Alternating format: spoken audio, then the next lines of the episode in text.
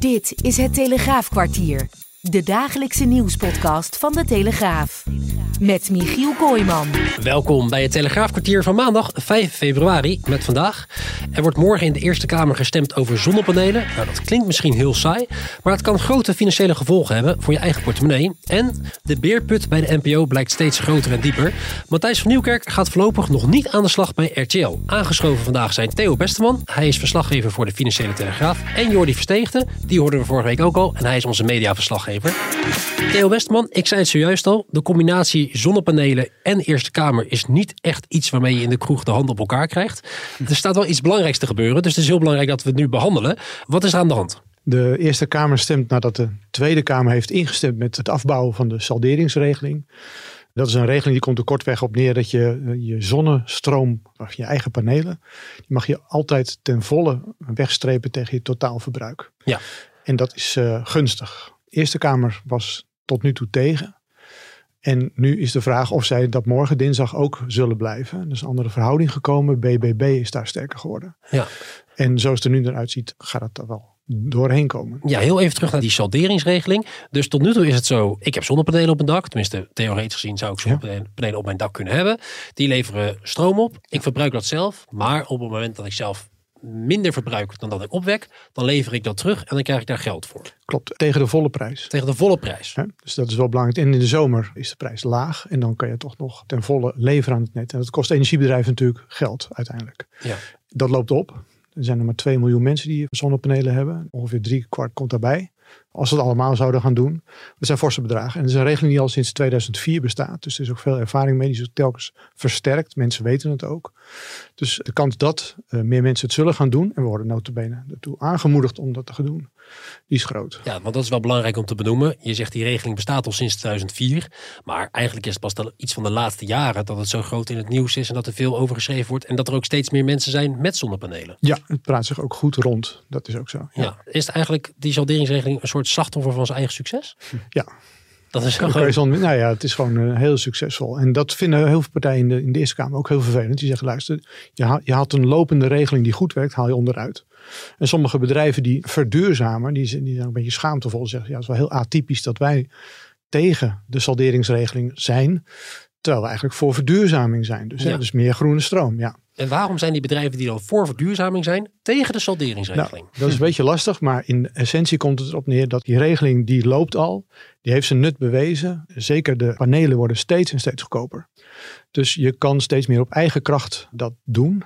En de regeling is heel erg duur aan het worden. Dat kost veel geld. Dat geld kunnen we beter investeren in andere onderdelen om verder te verduurzamen. Ja, en voor wie kost het dan veel geld? Is dat voor de bedrijven? Is dat voor de overheid? De overheid, de energiebedrijven, ja.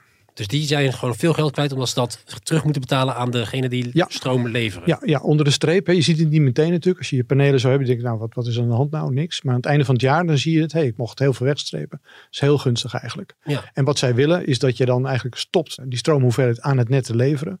En veel meer zelf gaat verbruiken. En bijvoorbeeld koppelt aan je batterijauto als je die zou hebben. Maar ook de warmtepomp, die vreet ook heel veel. En als je dan op de gunstige momenten van de dag, met, bijvoorbeeld met een dynamische systeem. Juist je eigen stroom veel gaat verbruiken en weghoudt van het net, dan ontlast je ook het net. Ja, je moet wel heel berekenend te werk gaan dan, hè? Nou, dat komen steeds meer simpele softwarepakketjes. Dat je gewoon je uh, langskomt en je auto inplucht. Ja. Dan denk je dat hij misschien stroom slurpt meteen van je panelen. Dat is niet zo. Dus er komt er dan binnenkort aan een batterij bijvoorbeeld. En die zoekt gewoon op de dag zoekt hij het meest gunstige moment uit. De meeste mensen komen thuis gaan eten, zetten alles aan. Dus dat is ongunstig. Maar dan zoekt hij gewoon het moment vanaf 10 uur tot uh, diep in de nacht of zo dat hij gaat opladen. Ja. En het, dat gebeurt dan vrij standaard. En dan kan je bijvoorbeeld een opt-out nemen. En dat je zegt, nou, ik moet vanavond om 11 uur moet ik wel weg met die auto. En dan laat hij hem toch, en dan laat hij hem toch op. Ja, ik dus, het zeggen, bedoel, Jordi en ik zitten hier elke dag op de redactie. Krijgen wij om 11 uur een notificatie, zet nu je wasmachine aan. ja. ja dat heeft voor ons heel weinig zin. Nee, nee maar laat het maar aan uh, hele slimme start-ups over in Nederland. Die zijn er echt steeds meer. Die vinden dit soort wegen. En dat gaat heel, heel snel. Ja, nou, dan gaan we even door naar die stemming in de Eerste Kamer.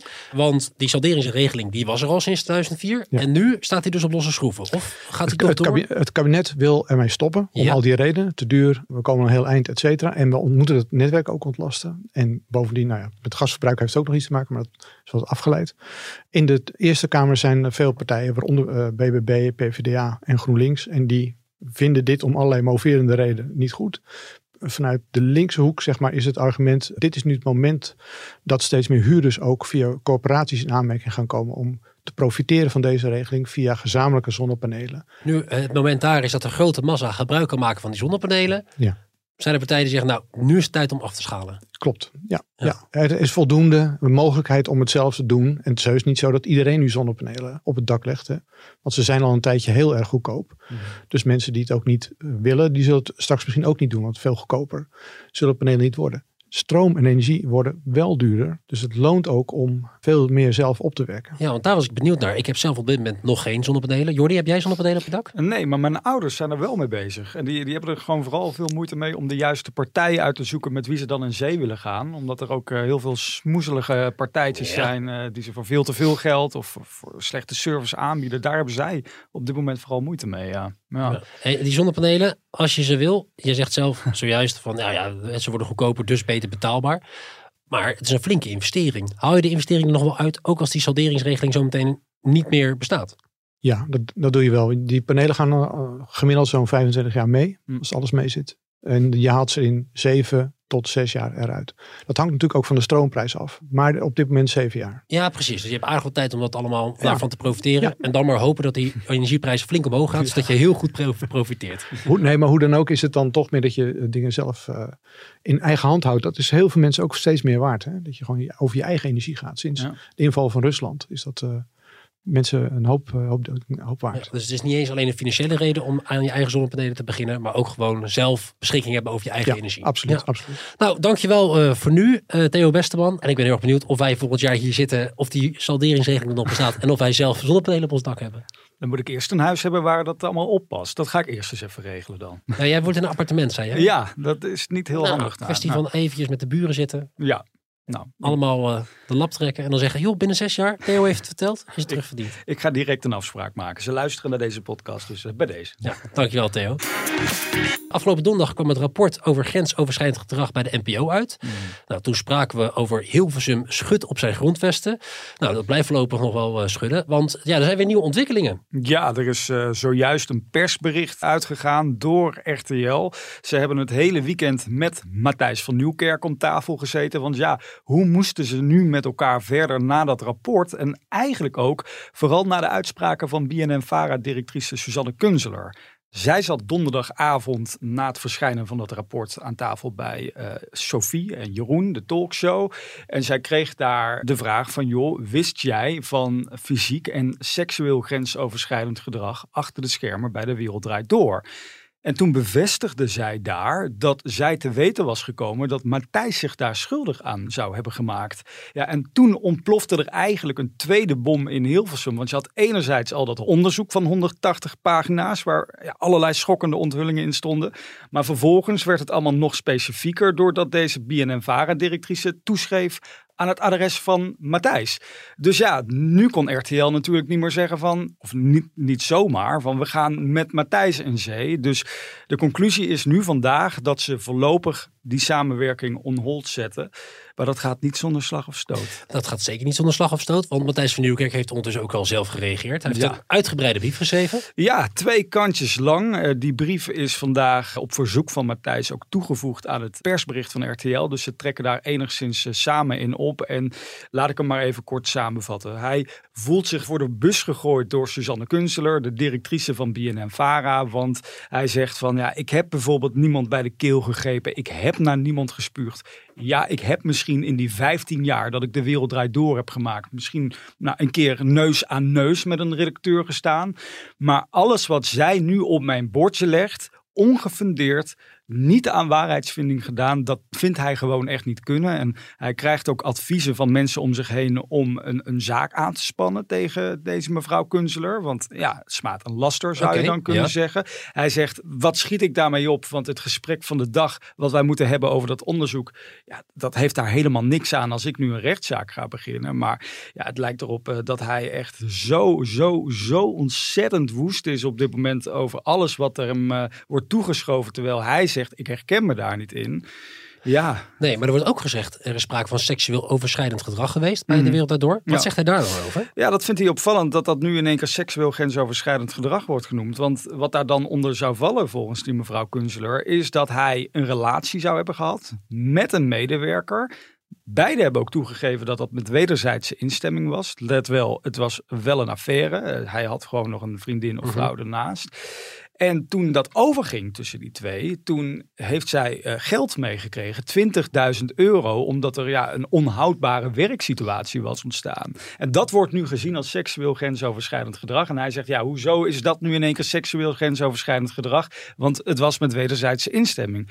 Wat wel nog raar is, vind ik nog steeds, is dat daar toen 20.000 euro mee gemoeid was. Dus iedereen die destijds een relatie had met Matthijs, en ik weet niet hoeveel mensen dat zijn geweest, misschien was het er één, hè, Ja, voordat, weet- voordat ik zo meteen ook een rechtszaak aan mijn broekje heb hangen, dat wil ik niet. Nee. Maar laat even voorop staan, ik vind dat heel raar dat er 20.000 euro mee gemoeid was met iemand die gewoon een relatie met hem begonnen is. Dat is toch je eigen eh, risico, om het dan zo even te zeggen. Ik vind het raar dat het dan van onze belastingcenten betaald wordt. Ben Ja, ik ja, heel eerlijk. ja, ik weet niet wat voor regelingen daar achter de schermen zijn afgesproken. Nou ja, we weten heel veel niet eh, op dit moment. Wel weten we dus dat ook Peter van der Vorst, de directeur content, de grote baas bij RTL, ook eh, in datzelfde persbericht heeft gezet. We zijn te voorbarig geweest door te zeggen, Matthijs kan wel beginnen dit najaar. Kijk, ze zijn Ja. sowieso te voorbarig geweest. Want ze hebben natuurlijk Matthijs dat contractje laten tekenen al voordat het rapport naar buiten kwam. Ja, maar daar hebben ze toch ook over nagedacht, zou je zeggen? Nou ja, blijkbaar niet genoeg. Er is allerlei kritiek op geweest en ik, ik snap het ook nog steeds niet. Want je weet gewoon dat als je hem een contract laat tekenen voordat het rapport naar buiten komt, dat straks als dat rapport er wel is, nou dat was dus afgelopen donderdag, dat dan alle ogen op jou gericht zijn. Van staat daar nog meer in wat we nog niet weten? En dat is nu het hele probleem. En juist omdat er geen waarheidsvinding is gedaan, hè, het zijn gewoon allerlei situaties opgetekend door die mensen die hebben meegewerkt aan het onderzoek, maakt het gewoon heel lastig om een middenweg te vinden in wie wat nou heeft gedaan. Ja, aan de andere kant kan je zeggen, het onderzoek zou niet gaan specifiek over personen, maar over de algehele sfeer binnen de NPO. Ja. Dus als je dat Dat was ook een lachertje, Michiel. Want ja, je weet gewoon dat als je onderzoek gaat doen naar misstanden binnen de NPO, dat je automatisch eh, gaat kijken naar bepaalde personen. En zeker omdat de wereld draait door een aparte casus is geweest in het onderzoek, hè, in het rapport. Dus je had twee grote casussen. Enerzijds de NOS Sport, anderzijds de wereld draait door. Ja, dan wordt er gesproken over de presentator en dan wordt er gesproken over de directeur video. Ja, nogmaals, we weten allemaal dat Robert ten Brink nooit de presentator is geweest van de wereld draait door. Dus alles wat er ook maar over ging, zou je automatisch kunnen toeschrijven aan Matthijs. En dat maakt het voor hem nu extra pijnlijk om te zien dat dit toch uiteindelijk een persoonlijke afrekening is. Ja, ja, dus RTL die heeft Matthijs van Nieuwkerk nu even op de bank gezet. Ja. Voorlopig komt hij niet op de buis. ja. De vraag is natuurlijk, komt van uitstel ook afstel? Nou ja, Of is, het, is dit iets waarvan je over een half jaar zegt, nou dan proberen we hem dan alsnog op de tv te krijgen, want dan is Mhm. iedereen het alweer vergeten. Nou, vergeten doen we dit zeker niet. Ja, het stof zal neerdalen. Dat is met alles.